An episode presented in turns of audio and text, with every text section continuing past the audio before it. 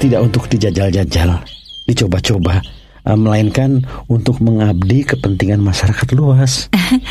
Kau berani melamarku pada Ayah Resi?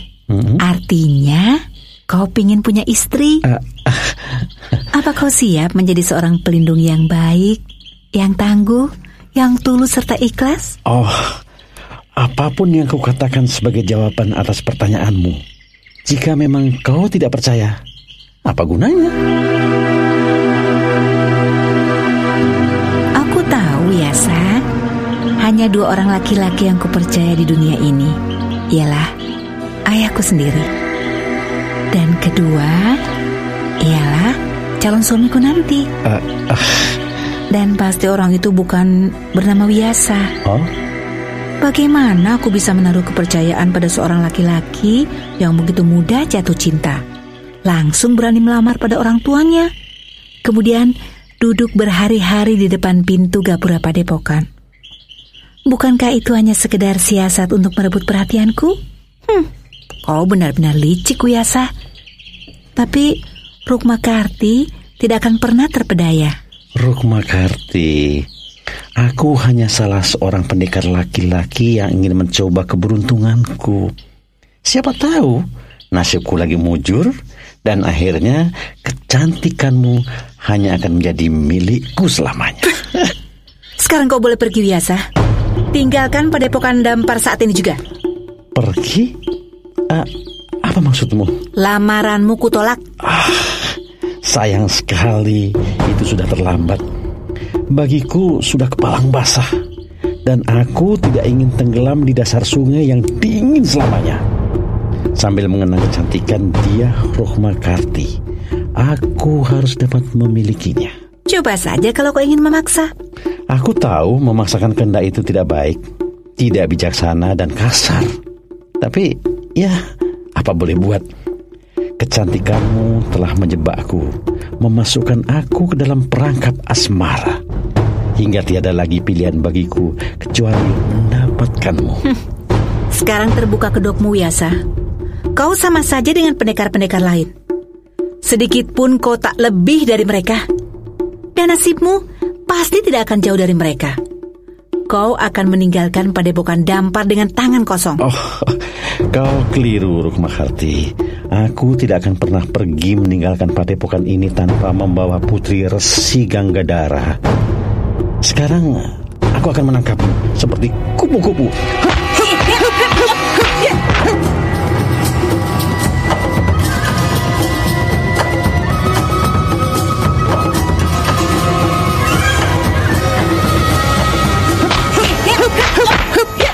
Biasa muda segera menyergap gadis cantik di depannya. Tapi rupanya dia kecelek. Semula dia mengira gadis cantik yang bertingkah laku lemah gemulai itu akan mudah ditangkap. Tapi ternyata, walaupun nampak lamban, Rukma Karti jauh lebih sigap. Bahkan dia mempunyai tingkat kecepatan yang lebih tinggi. Wiasa menjadi kesal dan malu. Dia pun meningkatkan serangan-serangannya, tapi tak menghasilkan apa-apa.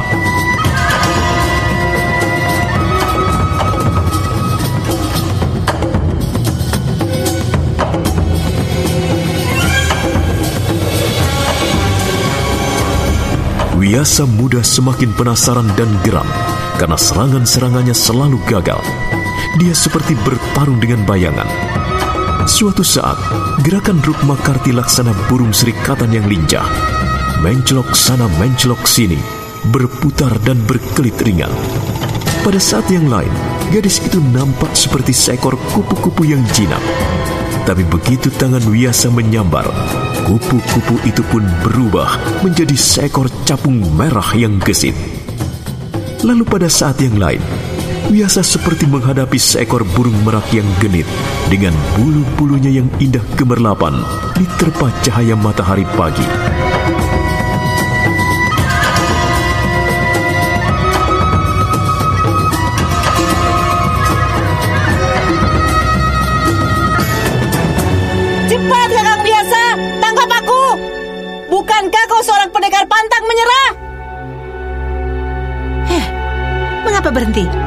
Tenagamu sudah habis? Sudah putus asa? Kau jangan mempermalukan aku, Rukma Karti. Kalau kau memang menginginkan pertarungan, ya, ayo kita bertarung sungguh-sungguh. Kau memang seorang laki-laki yang pantas dipermalukan. Karena kau terlalu lamban, Wiasa. Apa kau tidak mampu bergerak lebih cepat? Kau ingin punya seorang istri. Karena itu kau harus lebih gesit, lebih lincah, lebih kuat dan perkasa. Seorang suami harus bisa melindungi istrinya. Seorang suami harus mampu menjadi pengayom. Harus mampu menjaga keselamatan istrinya. Harus mampu terjun ke tengah-tengah pertarungan dan keluar sebagai pemenang. Tapi apa yang kau lakukan sekarang di depan seorang wanita yang kau inginkan menjadi istri? Cukup. Apa pun anggapanmu, aku tetap seorang laki-laki. Biasa dilahirkan ke muka bumi sebagai laki-laki. Dan setiap laki-laki pasti punya harga diri. Jangan kau tampar aku terlalu keras, Ruk Makarti. Jangan semena-mena mengijakku. Kau tersinggung rupanya. Telingamu menjadi merah. Hih, kalau memang kau tersinggung dan harga dirimu merasa terhina, mengapa kau masih diam saja? Ayo cepat, lakukan sesuatu. Berilah aku kesempatan untuk mempercayai kata-katamu. Ah, ah, baik. Kali ini kau akan kutangkap, iya, iya, iya, iya, iya.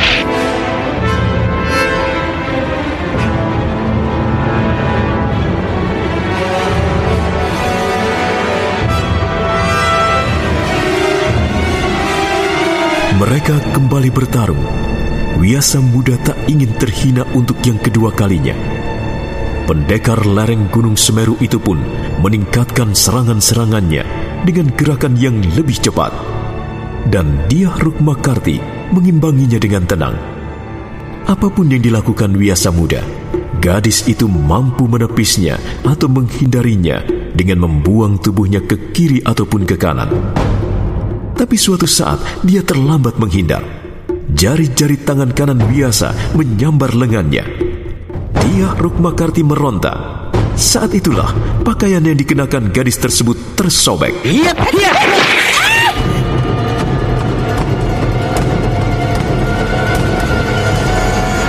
Buru-buru dia Rukmakarti menarik mundur kakinya beberapa langkah sambil tangannya berusaha menutupi lengannya yang telanjang. Wajah gadis itu menjadi merah padam. Sementara Wiasa muda masih dalam keadaan berdiri dengan kuda-kudanya yang kokoh.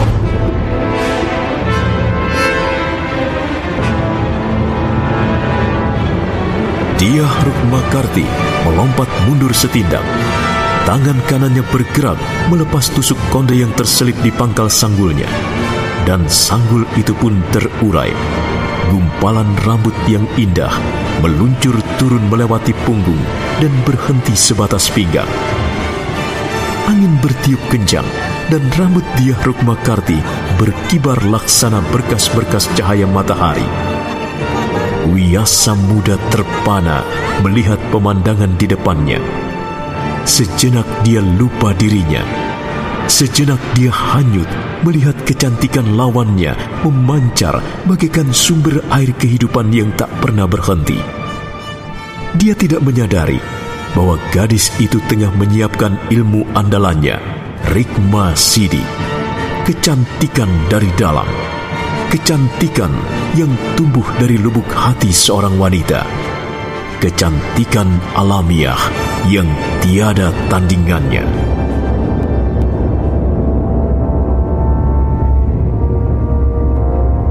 Wiasa, kalau memang benar kamu berguru pada Resi Mahasanjaya di lereng Semeru, pasti kamu mempunyai Pangracu Sukma. Hayo, keluarkan ilmu andalanmu itu. Tidak usah kita panjang lebarkan pertarungan. Kita lihat siapa yang lebih unggul. Kalau Pangracut Sukma mampu menandingi Rikma Sidi, maka aku menyerah. Aku akan menjadi istrimu dan berbakti padamu sepanjang sisa-sisa usiaku. Ah, jangan terburu nafsu, Rukmakarti. Cepat, Wiyasa. Keluarkan ilmu Pangracut Sukma. Ah, ah, tidak. Mengapa? Hah? Kau takut?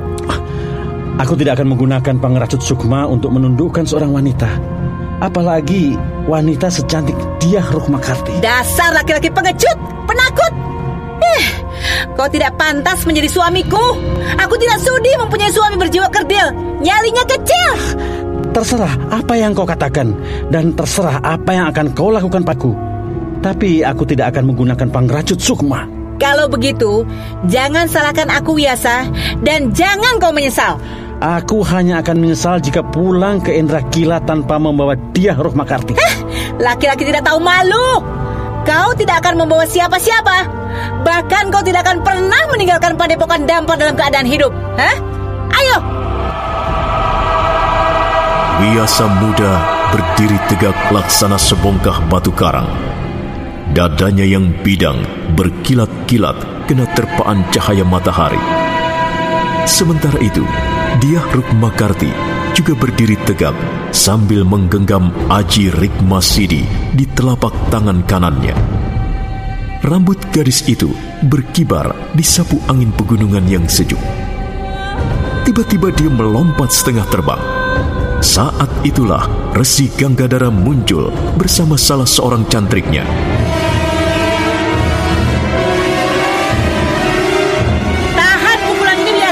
Wiyasa. ah, iya. Jangan!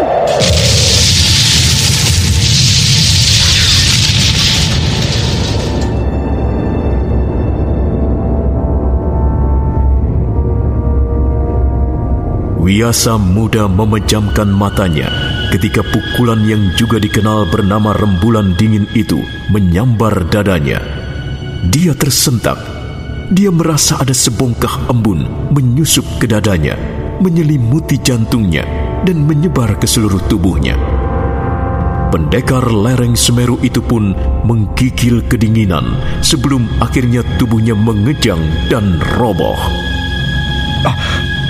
Rukmakarti, apa yang kau lakukan? hah? Kamu mau membunuhnya? hah? Ayah, dia keras kepala.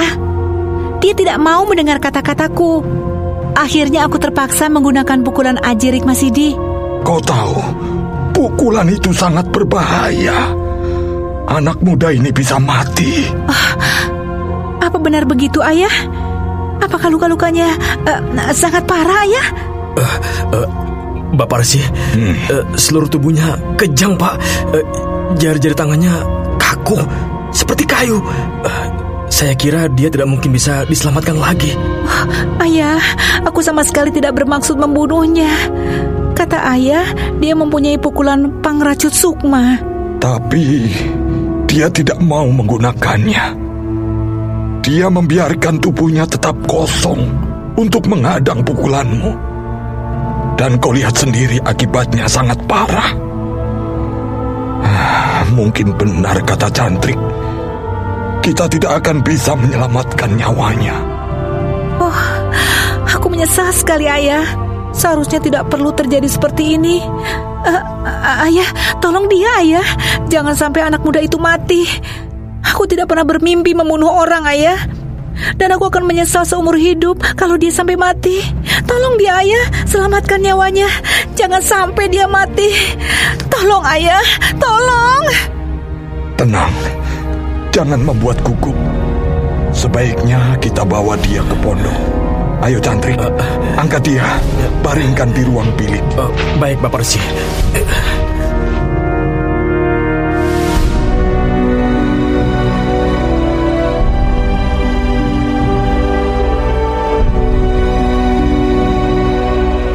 Tubuh Wiyasa muda segera digotong dan dibaringkan di salah satu ruangan bilik padepokan.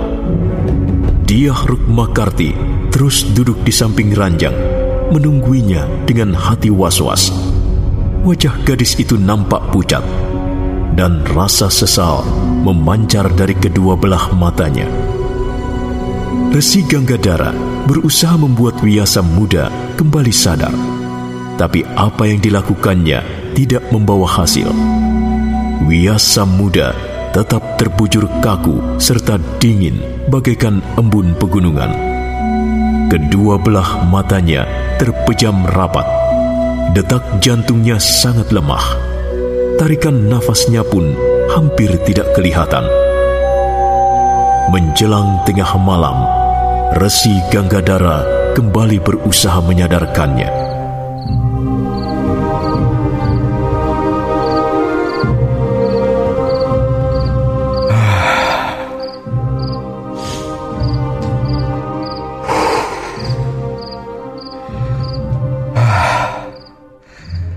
Rasa-rasanya aku tidak sanggup membuatnya sadar kembali.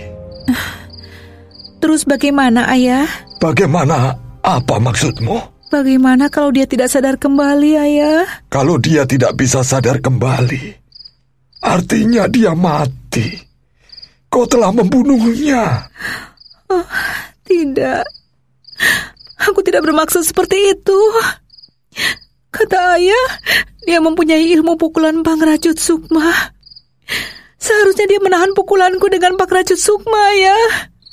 Kalau dia menahan pukulanmu dengan Pangrajut Sukma, kejadiannya bisa lain sama sekali. Tapi pasti salah satu di antara kalian ada yang mati. Lalu, lalu mengapa? Lalu mengapa dia membiarkan tubuhnya kosong? Mengapa dia tidak menggunakan Pangrajut Sukma ya? Artinya, dia ingin melindungi Muruk Makarti. Dia sengaja membiarkan tubuhnya kosong. Dia tidak ingin membalas ilmu pukulan Rikmasidi. Dia ingin kau selamat. Sementara dia sendiri seperti ini keadaannya. Tidak, dia tidak boleh begitu. Curang, licik. Dia memang licik, ayah. Dia sebenarnya laki-laki pengecut. Dia tidak mau bertarung secara jantan. Ah, Wiyasa?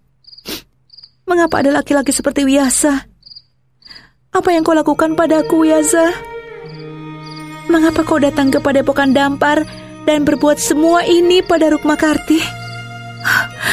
Aku menyesal sekali. Aku menyesal mengapa kau datang padaku. Dan aku tidak akan pernah memaafkan diriku karena perbuatanku ini.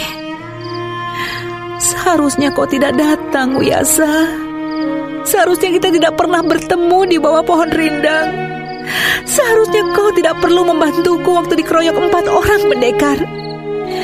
Dan seharusnya kau tidak duduk berhari-hari di depan pintu gapura padepokan.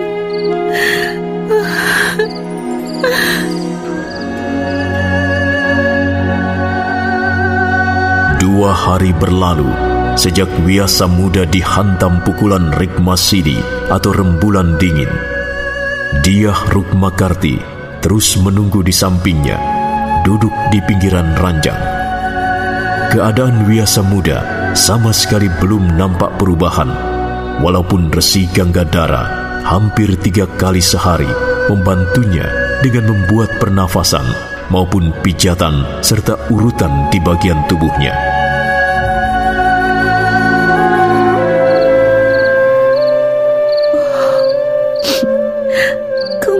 Diam seribu bahasa. Sama sekali tidak bergerak. Tapi aku yakin kau masih hidup biasa. Walaupun hanya setitik cahaya yang lemah, tapi aku melihat adanya tanda-tanda kehidupan dalam dirimu. Ah, Wiyasa, kalau saja kau tidak sebodoh itu. Bodoh? Siapa yang sebenarnya bodoh? Aku atau orang ini? Akulah yang bodoh. Aku gadis tolol yang tidak pernah mengerti martabat seorang laki-laki. Wiyasa, kau kau dengar suaraku? Atau sama sekali kau tidak pernah bisa mendengar apa-apa lagi? Aku menyesal sekali. Tidak seharusnya terjadi seperti ini. Mungkin sudah nasib dia Rukmakarti dan nasib biasa. Mungkin kita harus bertemu, bertarung, dan akhirnya kau mati di tanganku. Mungkin begitulah garis takdir di antara kita. Ah, tidak, tidak. Kau akan sembuh, Yasa. Kau pasti akan selamat. Mengapa, mengapa aku tiba-tiba mencemaskan keselamatannya? Mengapa aku mengalami kegelisahan sedahsyat ini? Belum pernah aku cemas seperti saat ini. Aku merasa takut. Aku takut sekali kehilangan dia. Apakah artinya ini? Beginikah rasanya cinta jika sedang semarak di hati setiap manusia? Oh, kalau begitu aku keliru. Cinta rupanya bisa datang dalam sekejap mata. Beberapa hari yang lalu, aku tidak mempunyai perasaan apa-apa pada orang ini. Tapi sekarang, aku takut sekali dia pergi untuk selamanya. Apalagi Apalagi artinya hidup ini kalau akhirnya dia pergi juga? Tidak, ini tidak akan pernah terjadi. Pasti dia akan sembuh. Aku yakin. Muyasa. Kakak Muyasa. Maafkan aku kakak.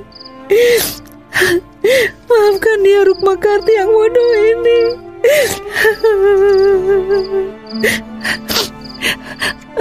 Kakang, Kakang Wiyasa, tidakkah kau mendengar suaraku? Jawablah Kakang. Jawab pertanyaanku ini. Benarkah kau mencintai Rukma Karti? Jangan takut Kakang Wiyasa. Sekarang aku tidak ragu-ragu lagi. Kau, kau seorang laki-laki yang bisa dipercaya. Kau laki-laki kedua yang kupercaya dalam seluruh kehidupanku. Setelah ayah resi, kaulah calon suamiku. Kaulah pria yang kudambakan selama ini. Kakang, tolong jawab pertanyaanku, jangan diam saja. Atau atau kau sudah sudah menjawab dalam hatimu? Dalam hatimu yang dingin serta membeku. Kau memang seorang pendiam. Belum lama kau duduk di atas umpak batu di depan pintu kapura padepokan sampai berhari-hari lamanya. Dan kau diam saja, tak mau bicara sepatah kata pun. Sekarang? Sekarang kau lebih diam. Tahukah kau kakang Wiyasa Sikap diamu itu sangat menyiksaku. Tahukah kau kakang Wiyasa Bahwa lebih baik aku mati daripada menghadapi keadaan seperti ini? Kakang Wiyasa Kakang Wiyasa Ayah Resi Kau belum tidur juga. Tidurlah sana. Istirahat. Nanti kamu malah jatuh sakit. Aku tidak bisa meninggalkannya sendirian dalam keadaan seperti ini ayah. Tapi Kau juga harus memperhatikan kesehatanmu sendiri. Sudah Ayo Cepat tidur sana tidak, tidak ayah. Aku tidak sampai hati meninggalkannya. Semua ini karena kesalahanku. Karena itu aku akan menunggunya sampai saat-saat terakhir nanti. Kau memang anak keras kepala, Rukma Karti. Aku juga anak yang bodoh, ayah. Keras kepala dan bodoh. Ah, ini akan menjadi pelajaran bagiku. Aku tidak akan pernah mengulanginya. Ay ayah, ayah, mengapa dia belum juga bergerak? Apakah dia masih ada harapan, ayah? Aku sudah berusaha dengan seluruh kemampuanku untuk menolong dia. Baru saja juga kuberikan pernapasan bantuan.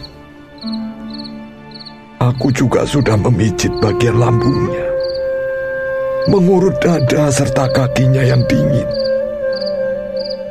Tapi, ya, aku sudah kehilangan akal. Aku tidak tahu lagi bagaimana caranya harus menolong anak muda ini. Rukma Karti, ada apa? Mengapa kau tiba-tiba menangis? Mencintai orang ini, Ayah. Ah, sudah terlambat. Kalau saja kau mengucapkannya beberapa hari yang lalu, pasti semuanya akan menjadi sangat baik. Tapi sekarang, untuk apa kau mencintai laki-laki yang terluka parah seperti ini? Hanya tidur terlentang dan menunggu ajalnya tiba. Aku ingin mengucapkan sumpah dan janji di depan ayah. Kalau dia sampai mati, aku tidak akan bersuami selamanya, ayah. Rukma Karti, Aku akan menjalankan sumpahku ini dalam sisa-sisa hidupku nanti. Tapi kalau misalnya Wiasa bisa sadar kembali dan sembuh seperti sedia kala, aku bersedia menjadi istrinya, ayah. Aku akan mencintainya dengan sepenuh hatiku. Aku akan mengabdi padanya dalam seluruh sisa-sisa hidupku. Aku akan menjadi seorang pendamping yang baik untuknya, ayah. Aku akan melahirkan anak-anaknya. Dan aku akan menjadi seorang ibu yang baik bagi anak-anaknya nanti. oh anakku Rukma Karti. Mudah-mudahan bukan hanya aku yang menyaksikan sumpahmu, tapi juga Dewata yang agung yang menguasai nasib manusia. Terima kasih, ayah. Sekarang aku akan ke Puri Sesaji. Aku akan minta perlindungan pada Dewata Agung dan minta kesembuhan bagi calon suamiku ini.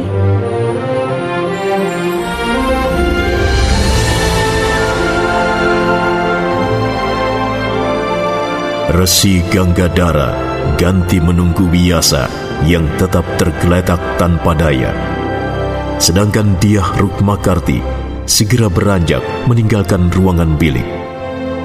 Gadis itu langsung menuju Puri Sesaji yang terletak di samping pondok padepokan. Dia segera berlutut di kaki Siwa. Memang, Resi Ganggadara dan putrinya adalah seorang penganut agama Siwa. Dengan menyimpan seribu harapan dalam hatinya, dia Rukmakarti menaburkan dupa di atas tungku. Asap dupa yang harum segera memenuhi seluruh ruangan puri sesaji. Selanjutnya, gadis itu membisikkan kata-kata dalam hati, membisikkan permohonan di hadapan Dewata Agung yang menguasai nasib manusia seluruhnya. Dewata Agung, dengarkanlah permohonan hambamu yang hina ini. Oh, Batara Agung yang menguasai seluruh jagat raya serta segala isinya. Kalau memang Wiyasa bukan takdir menjadi jodoh dia Rukmakarti, segera panggil dia. Karena hambamu tidak tahan melihat penderitaannya. Cabut nyawanya dan bawa dia pergi ke tempat yang paling indah. Tapi kalau memang Wiyasa kau takdirkan menjadi jodohku, jangan lama-lama. Jangan biarkan dia tersiksa. Cepat berilah kesembuhan ah, Dengarkanlah permohonanku ini ya Dewata Agung. Aku percaya kau mencintai seluruh makhluk ciptaanmu. Kau sangat pemurah hati. Kau mendengarkan setiap permohonan yang disampaikan manusia dengan segala kerendahan hatinya. Eh, Nini? Nini Rukmakarti? Ada apa, Cantrik? Apa kau tidak melihat aku sedang duduk bersemedi di sini? Cepat pergi. Jangan ganggu aku. Eh, anak muda itu, Nini. Saya disuruh memanggil Nini Rukmakarti. Ada apa? Ah, ada apa dengan anak muda itu, Cantrik? Eh, dia dia sudah mulai bergerak-gerak. Mudah-mudahan siaran Sandiwara Radio ini dapat memberikan hiburan yang sehat dan bermanfaat bagi masyarakat luas. Sekian, sampai jumpa di lain kesempatan.